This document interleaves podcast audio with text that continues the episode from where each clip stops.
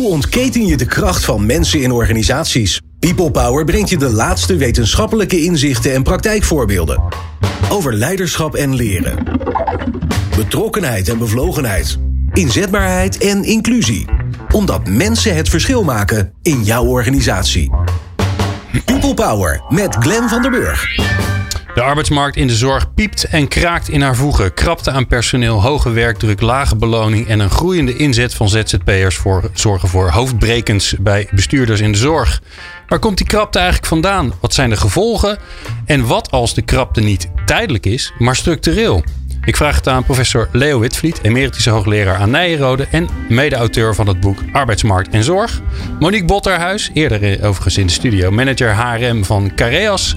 En Tom van Disseldorp, heel vaak al ondertussen geweest, eh, managing consultant van Centraal Beheer Open.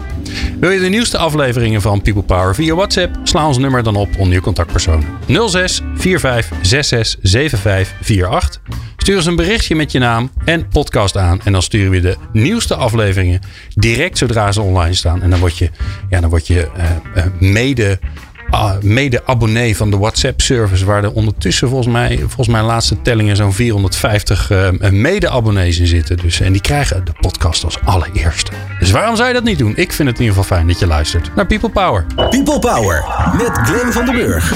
Nou, een lekker gevulde studio met uh, een belangrijk onderwerp. Uh, de arbeidsmarkt is sowieso altijd al belangrijk. En dan zeker de arbeidsmarkt in de zorg. Um, Um, Leo, ja, ik, ik zeg heel braaf Leo. Maar ik, ik, ik, check even of ik mag tutoyeren. Ja, dat lijkt me Ja, goed gekeurd. Ja, ja, meer dan. Nou, wederzijds bij deze. Dank je. Um, de arbeidsmarkt in de zorg. Daar hebben we natuurlijk, uh, horen we daar regelmatig, horen we daar allerlei signalen over dat het uh, kommer en kwel is en ellende. Um, hoe staat het ervoor? Precies zoals je het in de inleiding zei. Het kraakt en het piept. en uh, er is ook een groot verschil in de zorg. Zorg is natuurlijk een heel groot begrip. En er zijn er best hele grote delen van de zorg waar het prima geregeld is. En waar niks aan de hand is. En waar valt het mee? Nou, ik denk als je naar de ziekenhuizen kijkt. En naar bepaalde uh, organisaties die het gewoon goed georganiseerd hebben. Voor hun mensen. Waar het leuk is om te werken. Okay. Dat is ook weer gedifferentieerd over de verschillende vormen van zorg. Uh, maar dat is de moeilijkheid als je er echt in de wetenschap naar gaat kijken.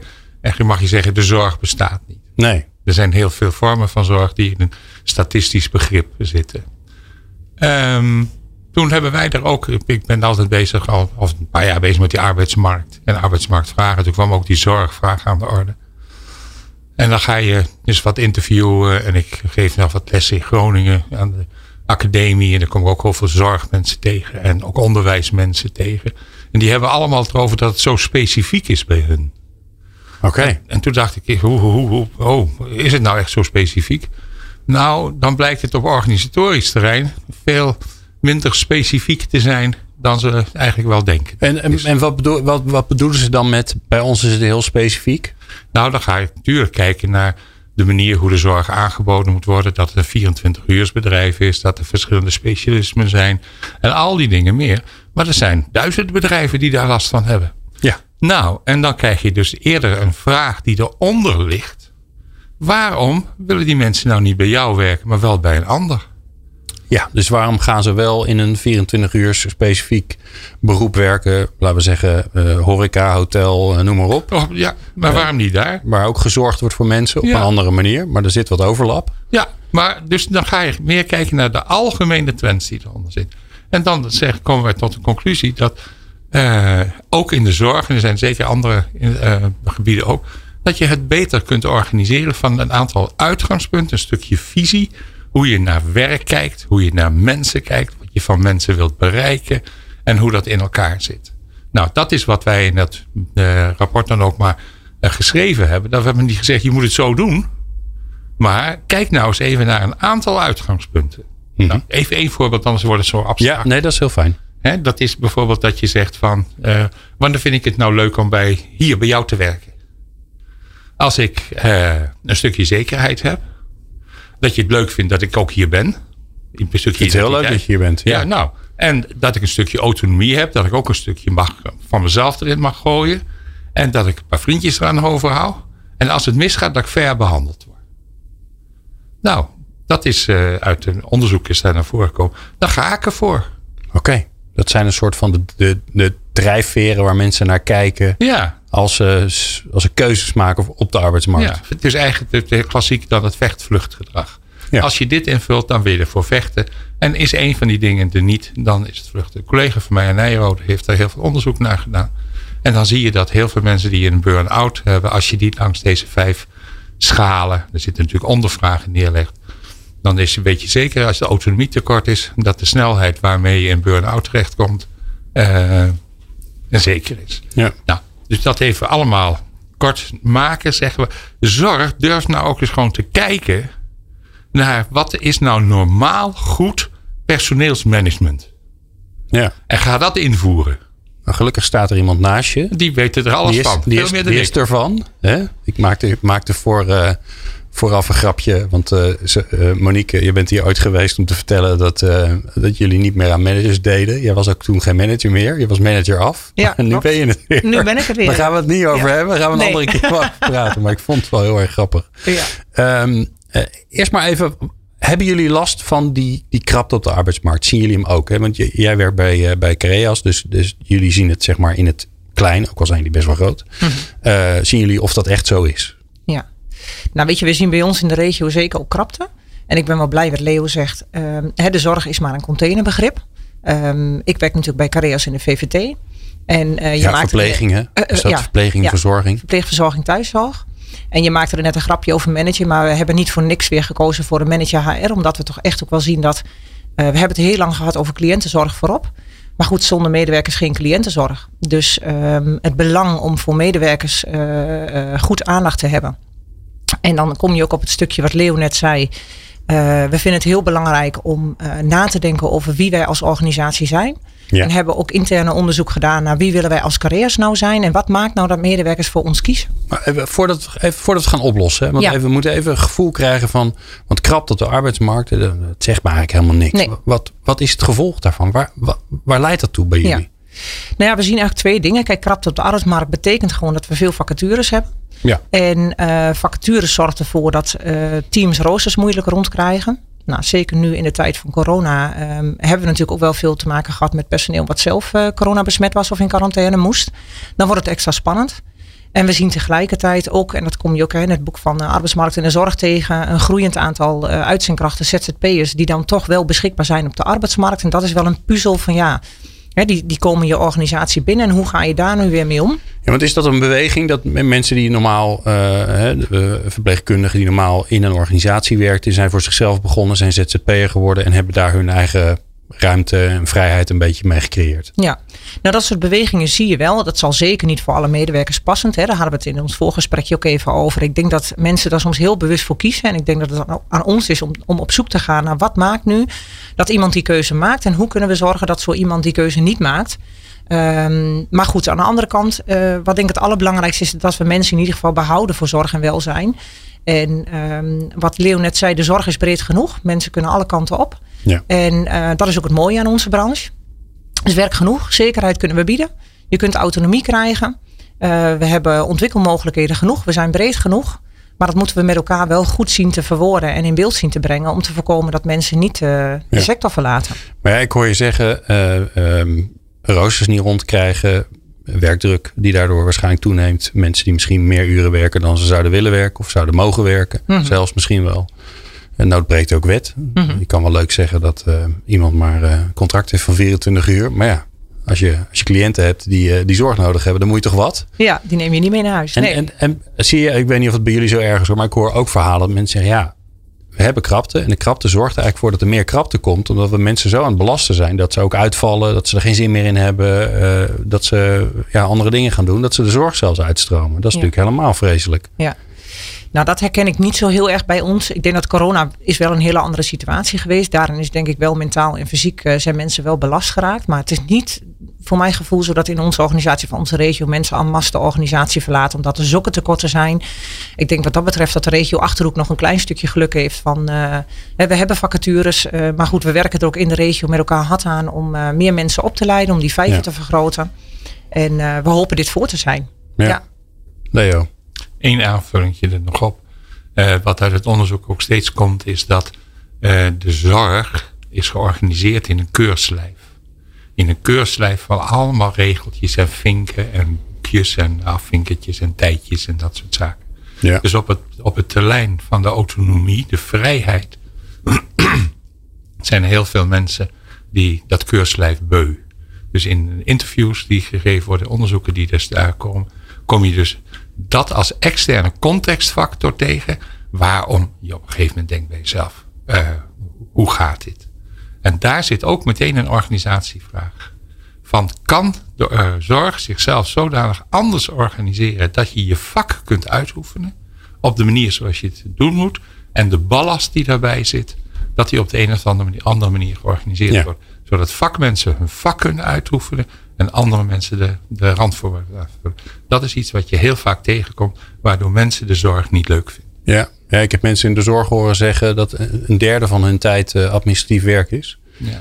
Dat is natuurlijk nooit de reden geweest. En dan waren mensen wel boekhouder geworden als ze daar lol in hadden. Ja. Hoe, nou, hoe, is, hoe is die... Sorry, we hebben een voorbeeldje in het, de, we hebben psychologen voor bijzonder onderwijs. Die hadden ongeveer een rendement van 60, 65 procent als ze separaat werken. Die zijn in een stichting ondergebracht. En daar doen ze nu hun werk met ondersteuning van dingen.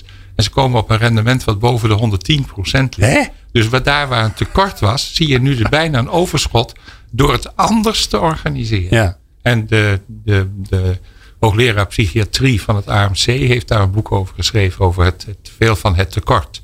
Dat het dus niet alleen maar een mensen- en geldvraag is, maar dat het zeker een organisatievraag is. Ja. Wat, wat, maken jullie eens met elkaar een inschatting? Stel je voor dat we dit zouden oplossen. Hè? Er zijn nog veel meer oplossingen. Maar stel je voor dat we deze zouden pakken. En we zouden zorgen dat die, die administratieve last, laten we even zeggen, door de helft gaat. Hè? Dus, dus de gemiddelde verpleegkundige of psycholoog, nou, waar dan ook. Uh, huisarts, laten we die vooral niet vergeten. Dat hij de helft administratieve last heeft. Hebben we dan het arbeidsmarktprobleem opgelost? Ik denk het wel. Ja, ik weet niet helemaal of het alleen de administratieve last is. Want ik denk dat dat wel een heel smal stukje is waar we het dan over hebben. Je hoort het heel vaak en jij brengt het uh, in, Leo. Um, ik weet niet of het altijd um, het grootste euvel is waar medewerkers tegenaan lopen. Ik denk dat, uh, hadden we het net ook even over, hè, reorganiseren is niet de oplossing. Anders organiseren, anders vastpakken, denk ik wel. Ja. En uh, ik denk dat er meer voorbeelden denkbaar zijn. We hebben bijvoorbeeld bij ons in de organisatie de functie van, uh, van woonondersteunen ingevoerd. En dat is een functie die heel erg op de facilitaire taken en het welzijn zit. En daarmee ook een stukje de zorg ontlast. Um, en dat is ook met name ingegeven doordat medewerkers in de zorg zelf zeiden: nog meer verzorgenden, nog meer verpleegkundigen is bij ons de oplossing niet. We hebben eigenlijk behoefte aan dat we op dat stuk ontlast worden. En ik denk dat dat wel mooi is dat we dat ook met elkaar hebben kunnen doen. Um, maar ook andere voorbeelden. Hè. Specialist oudergeneeskunde is een uh, functie die uh, voor veel schaarste zorgt. De functie van verpleegkundig specialist is bijvoorbeeld een hele mooie functie die uh, um, nou ja, trending is nu in onze sector. En die neemt heel veel werk weg van een specialist oudergeneeskunde. Op die manier gewoon anders organiseren en anders het werk inrichten. Um, zorgt dat je toch ook soms even wat bij de schaarste weggaat en op zoek gaat naar nou ja, daar waar nog wel mensen te vinden zijn, waar je nou ja, een mooie doorontwikkeling voor verpleegkundigen. Ja. De functie van woonondersteuner is een hele mooie functie waar mensen zonder opleiding de zorg in kunnen stromen, kennis kunnen maken met de zorg. En voor ons een hele mooie kweekvijver en kennismaking zijn met medewerkers die wellicht de vervolgopleiding in kunnen voor verzorgenden of uh, verpleegkundigen. Ja, mooi. Uh, waar ik zo heel graag met jullie uh, over verder praat, is ja, eigenlijk waar we al een beetje aan begonnen zijn. Hoe gaan we dit oplossen? Dat hoor je zo. Leiderschap, leren, inzetbaarheid en inclusie. De laatste inzichten hoor je in People Power. Met een uh, hele volle studio. We praten over uh, de arbeidsmarkt en de zorg. Um, je hebt met vooral ook. Ik denk dan altijd bij de arbeidsmarkt. Denk ik altijd. Eh, bestaat dit eigenlijk? Hè? We hebben het over de arbeidsmarkt en de zorg. Is dat überhaupt een ding? Kan je dat beet pakken? Gebeurt het ergens? Nou, ik zie Leo al uh, zijn hoofd schudden. Die bestaat eigenlijk helemaal niet. Ehm, maar het probleem bestaat wel. Hè? Krapte, te, weinig mensen die voldoen aan datgene wat we zoeken in de zorg. Um, Monique, je gaf er al een beetje een, voorschot aan. Hè? Want ja, eh, je hebt het werk, dat heb je op een bepaalde manier georganiseerd. En dan uh, hoor ik altijd mensen in de zorg zeggen: verpleegkundige, verzorgende, helpende. Dat zijn allemaal vakjes. Daar moet je allemaal dingen voor kunnen. Daar moet je allemaal opleidingen voor doen. En uh, BIG-registraties en weet ik veel wat allemaal. Um, Zit daar ook niet een deel van het probleem? Dat je dat, dat anders organiseren? Je vertelde net al even over uh, uh, de woonondersteuning. Uh, De functie die niet bestond, die jullie gecreëerd hebben. hebben. Ja. Waar haal je die ruimte dan vandaan om dat te gaan te kunnen doen?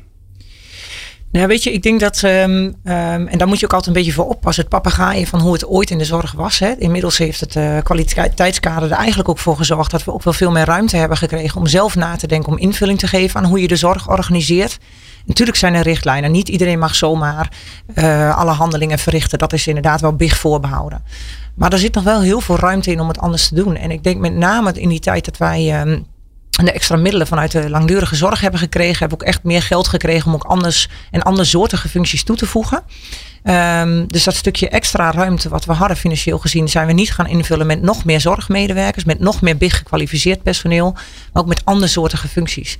Uh, omdat we gewoon wisten, ja, we kunnen nog wel meer willen toevoegen. Maar de teams vroegen er niet om. Dus nou ja, waarom zouden we het dan doen?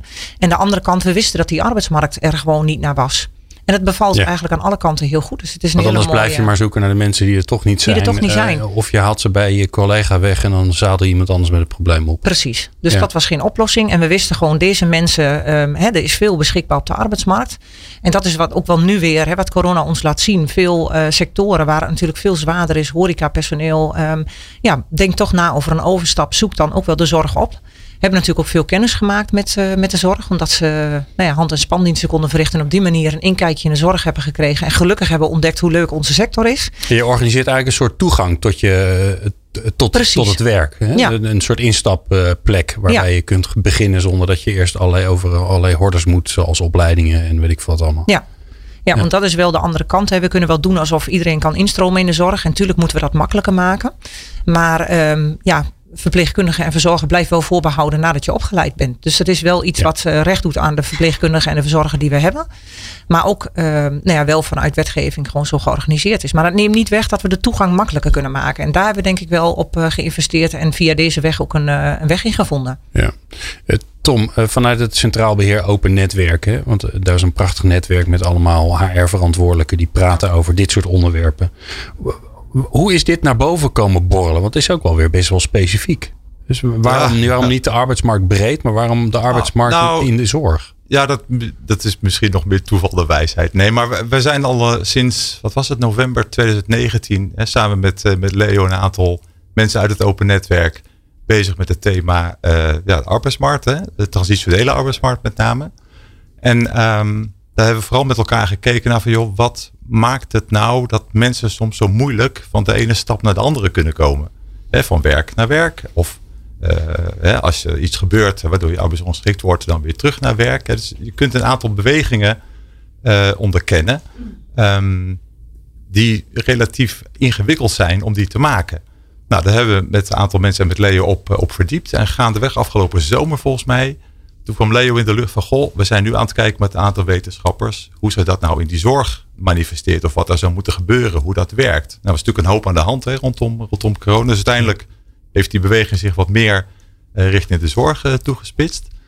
Ja, en zo zijn we met elkaar aan dat avontuur uh, begonnen uiteindelijk. En heeft dat geleid tot het het boek uh, Arbeidsmarkt en Zorg. Ja, je noemt het de, trans, de transitionele arbeidsmarkt. Ik moet even goed denken, want na trans kan er van alles nog wat komen. Ja. Uh, wat is dat dan? Wat is de transitionele arbeidsmarkt? Nou, kijk, gaandeweg je leven uh, hè, ga je werken. Maar tegelijkertijd moet je je ook blijven ontwikkelen. Dus je hebt behoefte aan omscholing, bijscholing. Oh, okay. Je zult je moeten blijven bekwamen. En zeker in een tijd waarin het diep meer zo is dat je 30, 40 jaar lang hetzelfde werk kunt blijven doen. Dus behoefte aan scholing is heel erg groot. Vroeger speelde zich dat af voordat je ging werken. En dan ging je werken, was je voor een bepaald beroep opgeleid. En ja. dan bleef je dat doen tot aan je pensioen. Nou, wat je nu ziet is dat, nou goed, je wordt opgeleid. Je gaat ergens beginnen met werken. Tegelijkertijd blijf je je ontwikkelen, blijf je leren, blijf je studeren. Om aan de ene kant bij te blijven met het vak wat je doet, hoe dat zich ontwikkelt. Maar tegelijkertijd um, ja, ook zorg dat je misschien een ander vak kunt gaan beheersen. Hè, wat het mogelijk maakt om langs die weg weer duurzaam inzetbaar te blijven. Je bent natuurlijk ook lang van de arbeidsmarkt af. Want als je aan het werk bent en je hebt naar je zin, dan zit je er niet op. Hè? Ja, zo kun je het ook nog zien. En in de tussentijd verandert die arbeidsmarkt. Ja. En je weet helemaal niet meer hoe die werkt. Als ik nu een baan zou moeten zoeken, ik zou echt niet weten hoe de, waar ik moet beginnen. Dan moet ik echt eerst weer leren hoe ik een baan moet vinden. Ja. Want ik zou, denk ik, naar monsterboards gaan, maar ik weet niet eens of het nog bestaat, eerlijk gezegd. Nee. Bestaat vast nog wel. Niet. Vast wel. Nee, daar, ik, hoor, ik hoor spotjes van Indeed. Maar dat is het dan wel. Toch? Ja. En iets met LinkedIn zal het wel zijn. Ongetwijfeld. Ja. Nee, maar dus een bewustzijn hè, dat je op allerlei manieren, op allerlei momenten iets moet doen om op die arbeidsmarkt uh, te blijven. Maar dat kan ook betekenen dat je zegt, joh, ik zou eigenlijk een keer, misschien wel een half jaar niet willen of kunnen werken, omdat ik me moet bekwamen in een ander vakgebied. Ja. Dat zijn allemaal bewegingen die te maken hebben met wat we dan noemen dat model van de transitionele arbeidsmarkt. Waarbij we heel erg met elkaar kijken naar van, joh, wat zou er nou nodig zijn om die fases tussen die uh, verschillende mogelijkheden om dat mogelijk te maken. Om daarvoor te zorgen dat het ook kan werken. Omdat het ook momenten zijn dat het mis kan gaan. Dat je ernaast valt, dat je zonder komt te zitten. Dat je, ja, uh, en daar... ja, zonder. En, maar ook vooral dat je je uh, kunt wapenen daartegen. Het, naar mijn op persoonlijke opvatting zou het fantastisch zijn als we met elkaar in dit land uh, iets konden organiseren. Waardoor mensen een soort potje met geld hebben. Waardoor ze zouden kunnen zeggen, joh weet je, komende vier, vijf maanden kan ik even niet werken. Ik moet een ander vak leren. Ik kan putten uit het potje wat ik heb. Ja. Daarna ga ik weer ergens aan de slag en ga daar gewoon weer verder. Hè, of ik word arbeidsongeschikt of wat dan ook. Nou, nu is dat vaak een soort status. Hè. Je bent arbeidsongeschikt en dat blijf je dan in heel veel gevallen. Ja, het gaat een lang staat van zijn, dat ben je gewoon. Ja, punt. terwijl je eigenlijk zou willen dat het een fase is waar je zo snel mogelijk weer uit wil, omdat je naar een volgende uitdaging wil. Ja. Aan de kant van pensioenen zie je natuurlijk hetzelfde gebeuren. Dus vroeger, vroeger moet je mij horen. Ja, je bent met pensioen. Dan was je met pensioen en dat was Of het niet. dan. Terwijl je nu ziet dat heel veel mensen met, ja, formeel wel met pensioen gaan, maar voor zichzelf beginnen of nog aan de organisatie verbonden blijven als adviseur. Dus joh, dat wordt veel vloeibaarder dan wat het altijd was. Ja. Nou, dat is wat we met die transitionele arbeidsmarkt bedoelen. Het bewegen tussen die verschillende fases heen. ja. En dan gaan we nu naar de zorg. En dan leg ik even een brugje naar Leo. Want hoe past dit in, in wat jij noemde net even, hè, dus de vier of vijf, waar het nou? Ja, Eh, vier. de identiteit. de, basis, eh, de basisbehoeften van de, van de werkzoekende. Die kun je natuurlijk mooi over elkaar inleggen. Nou, ik Zou ik net zeggen, toch? En, dan krijg je een model en dan kun je Ja. publiceren. Ja, nou vandaar in het boek ook een eh, mooi voorbeeld gegeven hebben van de GGZ West-Brabant. West-Noord-Brabant. En wat ze daar gedaan hebben, dat is eh ouderenzorg, gehandicaptenzorg, allerlei zorgen door elkaar op een, in een bepaalde omgeving. En eh, men heeft besproken van, wij moeten onze mensen opleiden. Dat is een van de eerste dingen die erbij komt, is dat de omgeving, de, context, even moeilijk gezegd, zo vloeibaar is en zo snel zich ontwikkelt, dat je het je niet eens kunt permitteren vier jaar niet te studeren. Dus de eerste opgave is zittende mensen eigenlijk wekelijks meenemen in de opleiding. Dat was één. Tweede kwam je tot ontdekking dat je zag, hé, hey, bij die andere is veel leuker werken met jonkies. Kan ik daar ook werken? Ja, dat kan. En we hebben ook nog een transitieschool waar je dus daarheen kan. En wat je ziet is dat de mensen die daar werken, die, eh, die hebben ruimte. Ruimte om gekregen om te studeren in het vak waar ze zijn en dieper te gaan. Soms moeten ze echt even buiten studeren. Maar ze kunnen ook naar een andere, andere vorm van zorg toe gaan. En eh, nou ja, Doordat ze het bij elkaar hebben genomen. En daardoor Ja. heb je samen een belang gecreëerd. samen een belang, maar het Ja. belang van de werkgevers, maar het is ook het belang van de werknemer, die ruimte en vrijheid voelt en zich verzorgd voelt ook. En de grap is, de laatste gesprek wat ik met Ineke Strijp had, de voorzitter, dat ze zei, Leo, wij hebben een wachtlijst Oh ja? in plaats van Wat nou krapte? Wat nou krapte als je dus iets aanbiedt, wat lekker, leuk. Nou, zo, dit zijn natuurlijk de verkeerde woorden die ik gebruik. Nee, ik vind het mooi woorden. Maar Ja. als je dat eh, kunt Ja. organiseren, dan komen ze wel. Ja, je moet dan gewoon moet je- denken als een bakker. Je moet En dan moet je het waarmaken. Want ik heb gierende hekel aan die marketeers. Die dit ook kunnen vertellen. En vervolgens niet waarmaken als je binnenkomt. Ja, maar het interessante is wel, hè, maar wat je zegt is, enerzijds wil je ruimte, wil je kunnen proeven, wil je, oh kan ik daar ook, Oh, daar vind ik het leuker, eh, bijspijkeren. Ja. Dus heb je ruimte voor nodig. Maar ik hoor je ook zeggen, Leo, ook zekerheid. Tuurlijk. Kijk eens, want het is allemaal wel leuk en aardig. De, de wereld is steeds onzekerder aan het worden. En eh, het model van de transitionele arbeidsmarkt, waar al die transities in zitten, gaat ervan uit dat je van betaald naar betaald werk toe gaat. En daar kan een keer een interruptie zitten van een werkeloosheid met omscholing of een arbeidsongeschiktheidsperiode. Maar het gaat erom dat je van werk naar werk organiseert. En dat was vroeger de verantwoordelijkheid van de werknemer. Dus als je de oude boekjes nog neemt, dat ja, daar zijn wij niet als werkgever Nee. niet voor verantwoordelijk. Nee. Nou, we zijn nu zover dat je als werkgever en werknemer 50% verantwoordelijkheid elk hebt om dit in te regelen. Dus een werknemer die niks doet, ja, de tampie. Maar een werknemer die er ook aan meedoet en de werkgever die er meedoet, is een uitstekende combinatie. En dat is wezenlijk veranderd in de verhoudingen tussen werkgevers en werknemers. Dat we veel horizontaler zijn gaan denken om tot oplossingen te komen die passen bij die inrichting, bij dat bedrijf, met die mensen. Ja, en ik hoor je eigenlijk zeggen, eigenlijk ben je, hè, in het voorbeeld van, uh, van uh, GG, GGZ, moet ik goed zeggen. Uh, die hebben eigenlijk een soort van kleine arbeidsmarkt in de zorg georganiseerd met elkaar. Ja. want het probleem van de arbeidsmarkt is natuurlijk ook, en hebben we al uh, meerdere arbeidsmarkthoogleraren gehad. Eigenlijk bestaat die arbeidsmarkt helemaal niet. Zo ondoorzichtig als wat. Ja, en wat je ook moet zien, wat dus zij uh, goed gedaan hebben, dat uh, als je de hoge functies in de zorg neemt, de, de, de doktoren, de psychiaters, die kunnen best reizen en dingen. Maar ja. de grote basis van de mensen die in de zorg werken, zitten in de lokale gemeenschap opgesloten. Dus wat je ook doen moet, is je op die lokale gemeenschap richten als het gaat over uh, arbeid uh, binnen de zorg. Want dan ben je veel beter af. Want we moeten daarin is ook weer even een onderscheid als je het over arbeidsmarkt hebt.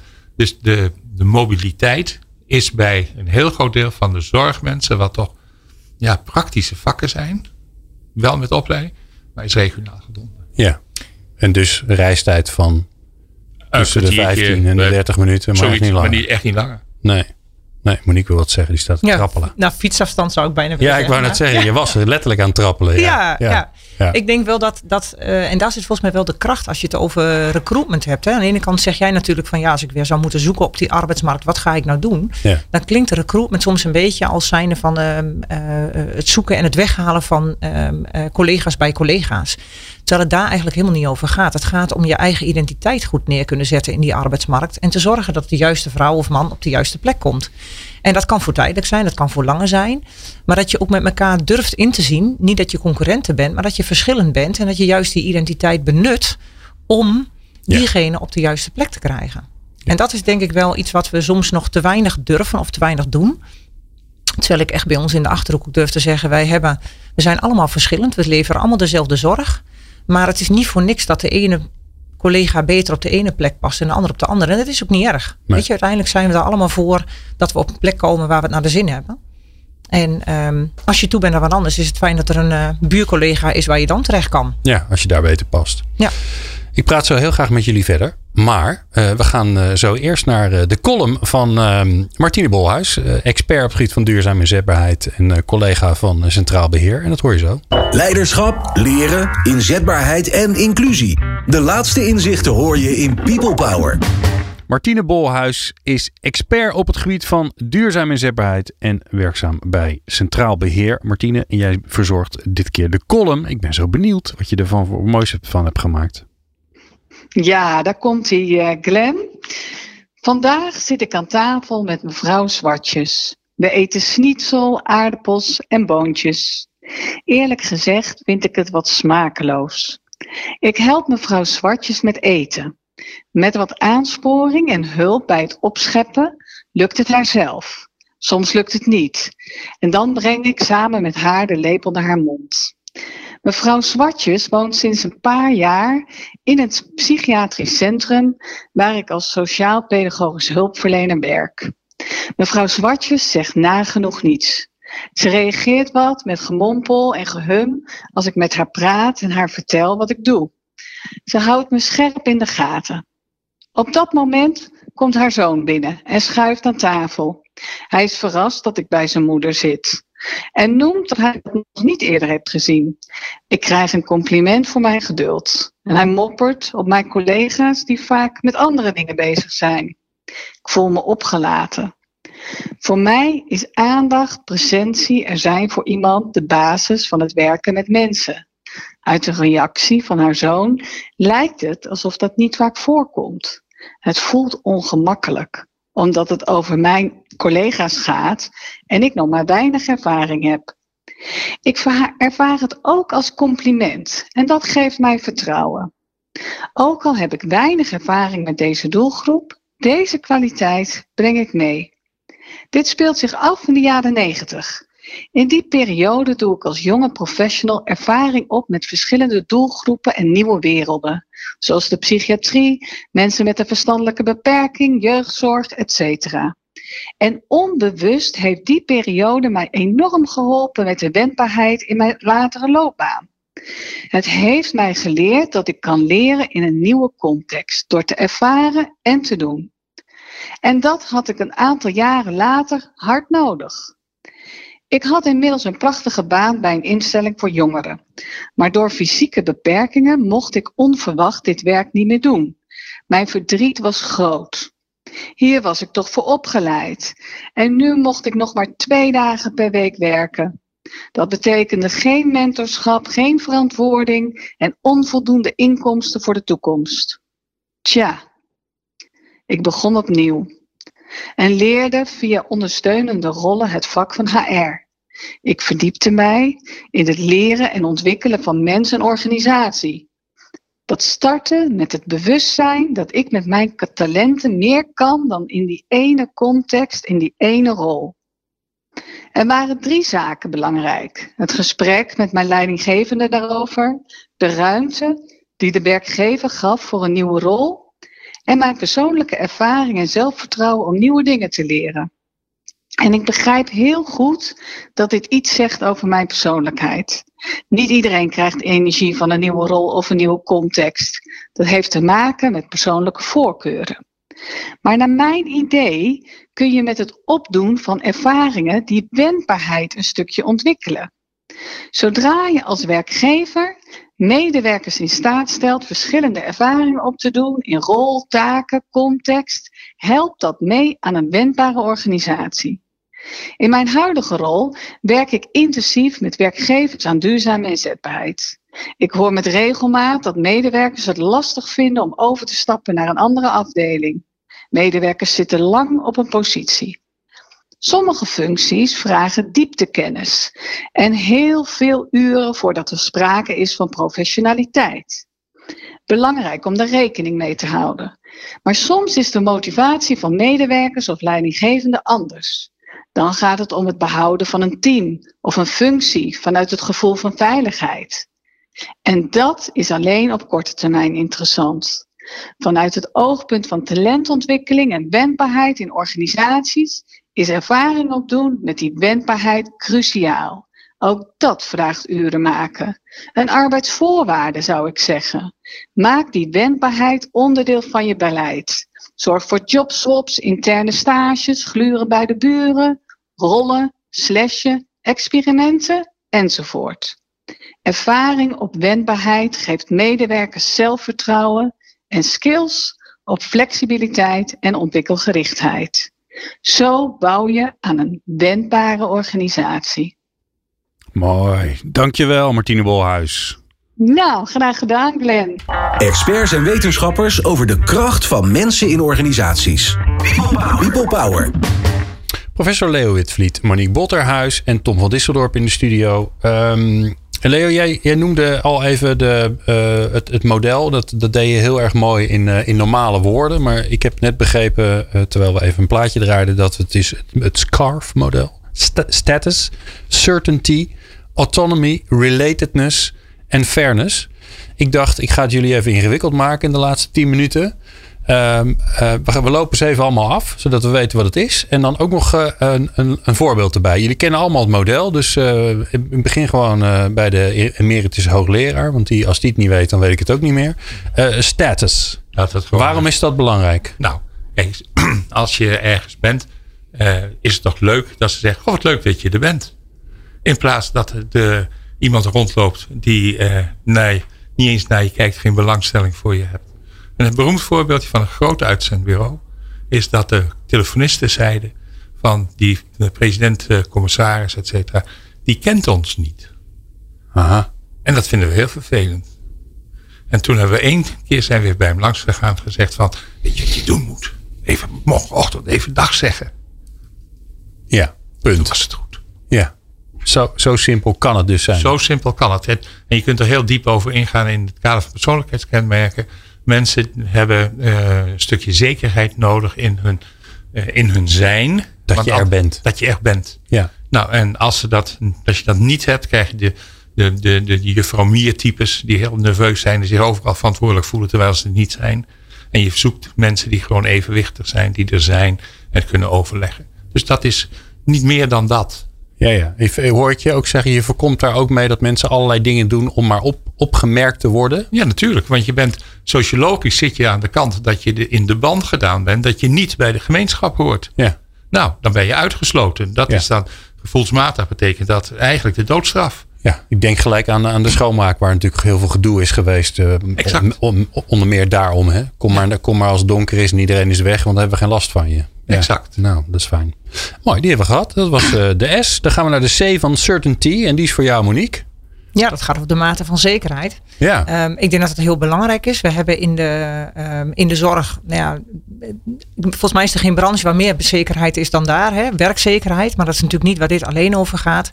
Dit gaat ook over zekerheid, dat je recht hebt tot en toegang hebt tot opleiding, tot ontwikkeling. En dat is iets wat ehm, nou ja, binnen de zorg eh, zijn mogelijkheden genoeg om je door te ontwikkelen. Ja. Maar je moet het wel met elkaar zien. En dat heeft ehm, ook wel te maken met het eerste punt van status. Ik denk dat ehm, eh, wij als Carreërs hebben onze nieuwe arbeidsmarkt en eh, werkgeversbelofte, maar ook belofte richting de markt verder met aandacht. Ik denk dat daar het wel over gaat. Dat je aandacht hebt voor elkaar en weet wat diegene dus belangrijk vindt. Wat is zijn zekerheid? Waar is hij nou op zoek? En waarmee kun je hem die zekerheid ook bieden? Ja, maar nou- werk ik bij- jou, bij, bij Careas, hartstikke leuk. Ik ben eh, verpleegkundige of verzorgende, dat maakt helemaal niet zoveel uit. Maar ik wil eigenlijk wel eens in, in een ander deel van de zorg kijken. Dat Ja. heeft natuurlijk ook met zekerheid te maken dat als ik dat aan jou uitspreek of ik ga dat uitproberen, dat, ik niet, dat jij niet boos moet worden, dat ik er niet uitgekukeld word, dat ik niet een soort... Dus hoe zorg je ervoor dat, dat daar ruimte voor is? Nou, ik denk dat een heel mooi voorbeeld. Wij hebben bij ons in de regio is een zorghotel opgestart om met name in de kader van eh, corona veel eh, extra zorg eh, wat op ons afkwam op te kunnen vangen. En ehm, er zijn een aantal medewerkers die intrinsiek gemotiveerd waren om te werken in dat zorghotel. En die zijn dus ook een tijdje in het zorghotel werkzaam geweest. En dat was voor ons ook wel een heel mooi moment om te zien van ja, zo af en toe even een uitstapje in een andere keuken kijken, andere ervaring opdoen. Eh ik denk dat het heel mooi is dat medewerkers dat doen. Ja. En, eh, en we hebben bij ons in huis natuurlijk ook genoeg mogelijkheden om in de thuiszorg, intramuraal, eh, in het woonzorgcentrum of op een PG-afdeling of En een dat, en somatiek. dat kan redelijk makkelijk bij jullie. Dat kan redelijk makkelijk. Ja. Ja. Maar het is wel, ik denk dat wij het makkelijker toegankelijk moeten maken. Want er zijn toch nog best weinig medewerkers die er soms om vragen. En ehm, soms vertrekken naar een collega-organisatie en dan denken we van nou, dat hadden wij ook kunnen bieden. Dus Ja. daar hebben we eigenlijk ook daar zelf een kans laten liggen. En ik denk dat dat wel alles te maken heeft met het verder met aandacht. Wat we nu ook echt wel willen. Dat we goed weten waar zijn medewerkers nou op zoek. We hebben genoeg zelf te bieden. En als wij het niet kunnen bieden, kunnen je wellicht helpen om ergens naartoe te gaan. Om die kennis wel op te doen en die ervaring. Mooi. Ik, ik vond zelf eh, de ehm, he- hechtingstheorie vond ik interessant om te lezen. Omdat heel, heel veel van ons zijn natuurlijk ook ouder. Dus dan kun je al heel snel relateren aan hoe, ja, hoe ga je eigenlijk met je kind om. Dus dat beeld vond ik wel heel erg mooi van een kind wat aan het experimenteren is. Maar die wel weer terug kan komen naar papa en mama om weer even zich veilig te voelen. Eh, dus die combinatie heb je op een of andere manier nodig. Dus dat vond ik wel, eh, als je daar even op googelt, dan, eh, dan lees je er binnen vijf minuten iets over. Dan snap je het enigszins. Dat helpt al heel snel. Tom, we gaan naar autonomy. Ja, die sluit ook mooi aan op jouw voorbeeld volgens mij. Dat Oh kind, ja? dat kind wat dan heel eventjes zelf dingen gaat uitvinden. En daarna weer terugkomt bij de ouders om even die veilige geborgenheid te voelen. Ja. Voor, mij gaat autonomie heel erg over, maar goed, eh, ja, gaat heel erg over wat kun je nou zelf regelen in je werk. We zijn natuurlijk misschien gewend om in een omgeving te zitten waar dat voor ons wordt bepaald. Maar hoe meer mensen zelf kunnen regelen, hoe meer probleempjes ze zelf kunnen oplossen.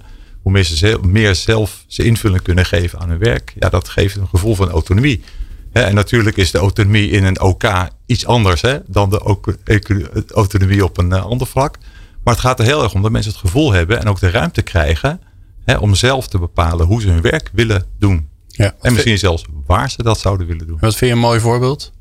Ehm, nou, zal ik het over mezelf hebben bijvoorbeeld? Dan ga jij het nou eens over jezelf hebben, Tom. Nee, maar serieus. Ja. joh, ik voel me ontzettend autonoom in het werk wat ik doe. Ja. Ik kan dat, ik kan, ja, ik bedoel, het maakt niet zoveel uit. Ik doe geen gekke dingen in principe, dus dat scheelt. Maar ik heb, ja, kan heel veel kan ik zelf bepalen. Ja. En dat is ongelooflijk fijn werken. En ik denk als iedereen heel veel zelf kan bepalen, ja, joh, dan heb je zo ontiegelijk veel eh goodwill ge- hè, bij jezelf, maar ook in je omgeving. Ik denk dat dat alleen maar enorm helpt. Ja, en dat, is, en dat is dan een gelijk een mooie overgang. Hè? Want als je alles zelf kan bepalen, dan kan het ook een soort eh, anarchistische bende worden. Waar iedereen maar een beetje doet waar ze zin in hebben. Maar gelukkig is er ook de air van relatedness. Want we horen ook nog ergens bij. Ja, Toch, dat is gewoon. Leo? We zijn gewoon mensen. En we hebben wel een cultuur gemaakt van allemaal individualisten. En een geautomatiseerde, geautomatiseerde samenleving als atoompjes. Maar we zijn nog steeds een gemeenschap. En wat mensen gewoon willen en uitspreken, is tot een gemeenschap horen. Gewoon erbij horen. Niet anders dan dat. En dat moet je organiseren. Ik heb wat vrienden van mijn werk en ik heb wat andere vrienden. En zo is het normale leven. En dat is dus de mens als mens in een sociale gemeenschap. En dat moet je organiseren. Ja. En dat, dat wil je gewoon. Hoe doe je dat? Nou, ik denk een, dat... Een, een, een, ding waarvan je zegt van nou dat helpt heel erg. Uh, mensen vertrouwen geven. Oké. En dat is even dus rondom dat autonomie en dat soort zaken. Dat je je vrienden vertrouw je ook. En dat je elkaar vertrouwt in het werk. Dat je zegt, ja, jij bent een vakman, dus uh, ik, ik, luister even naar jou. Nou, hé, hey, wat leuk, hij luistert naar me. Nou, en dan gaat er relaties ontstaan. En dus het relativeness gaat dus over relationeel werken, maar inhoudsvol relationeel werken. Ja. En ik gebruik vertrouwen eventjes gewoon, omdat dat uh, mij irriteert. Dat we zo langzamerhand in, ook in organisaties alleen maar in distrust zitten, waardoor er van alles georganiseerd wordt om ja. dat gevoel van vertrouwen neer te zetten, terwijl we gewoon het basale kwijtgeraakt zijn. Het is een mooie gedachte-experiment. Dat stel je voor dat je, dat je iedereen 100% vertrouwt hoe zou je dan je organisatie inrichten? En wat kan je dan allemaal gewoon weglaten? wat je niet meer hoeft te doen. Nou ja, maar dat is ook de discussie die gaat is over jullie. Dus straks van het heeft aan de orde. We hebben geen managers meer. En ik denk dat er dus wel heel veel managers zijn die dingen doen. Die, of nee, laat ik het anders Die geen bijdrage meer leveren aan het primaire proces. En dat moet je elimineren. Maar je hebt gewoon wel management nodig. Omdat ook die groep koeien. Dat heb ik ooit eens een keer ervaren toen ik op Nijenrode aan boerenles moest geven over leiderschap. Dat ook een groep koeien gewoon eh, een leider nodig heeft. En mensen ook. Ja. Maar het gaat er niet om dat dat dan heel verticaal en heel hoog staat. Maar er net boven. We gaan naar de laatste, uh, Monique. Fairness. Eerlijkheid. Ja. Nou, dat gaat over eerlijkheid. En um, ik denk dat het ook heel erg gaat over oprechte aandacht, maar ook eerlijkheid naar medewerkers toe. Um, wat wij uh, proberen, hè, net zei uh, ja, leven Leeuw, van je wil ook onderscheid kunnen maken, maar je moet ook ergens een, een richting hebben. En wat ik altijd wel mooi vind, onze bestuurder zegt ook altijd durf te kiezen. En, en, en kiezen en verdedig. En ik denk dat daar het heel erg over gaat. Je moet, het, je moet verschil durven maken, maar het wel kunnen uitleggen. En als je daar transparant in bent, dan heb je volgens mij fairness heel goed uh, dat je dat bereikt in je organisatie. En dat wil dus niet zeggen dat je iedereen over één kam schrijft en maatwerk en alles standaard en vooral juist niet. Maar wel transparant durft te zijn in de keuzes die je maakt. En daar ook uh, ja. Ja, kiezen en verdedigen. En ik kan me voorstellen in je arbeidscommunicatie heel erg eerlijk zijn. Hè? Dus niet een beetje marketing, de marketingmachine aanzetten. En allemaal uh, jongens en meisjes inhuren om op posters te gaan die helemaal niet bij je werken. dat, ja. dat slaat helemaal nergens op. Practice what you preach. Hè? Dus ook gewoon daadwerkelijk waarmaken wat je zegt aan de voorkant. Dat is wel belangrijk. Want mensen gaan toch ervaren als ze bij je binnen zijn dat het anders is. Dus blijf bij je die weer weg, bent. toch? Ja, ja precies. Dan gaan ze weer weg. Ja. Mooi. Nou ja, we kunnen hier nog uren over doorpraten. Maar daar hebben we uh, helaas geen tijd voor. Hier zullen jullie het mee moeten doen. Maar uh, we hebben vast uh, alle luisteraars flink geholpen. Dus bijzonder veel dank voor de aanwezigheid hier in de studio. Professor Leo Witvliet van Nijenrode. Monique Botterhuis voor de tweede keer van de Carreas. En Tom van Disseldorp voor de zoveelste keer. En dat blijft maar niet vervelen van Centraal Beheer Open. Um, in de volgende aflevering, want ik ga nog een uurtje gezellig door. Hebben we de winnaar van de HR Top 100. De beste, volgens de vakjury, de beste HR-directeur van Nederland van 2020. Want het is, ging over vorig jaar. Uh, en daar gaan we mee in gesprek over uh, het vak. Hoe het vak zich ontwikkelt. Welke kant het op gaat. Uh, hoe de toekomst eruit ziet. Nou, al dat soort dingen. Daar zijn we natuurlijk heel benieuwd naar. En hoor je de volgende aflevering. Wij danken je in ieder geval zeer voor het luisteren. Meer afleveringen vind je op peoplepower.radio en jouw favoriete podcast app.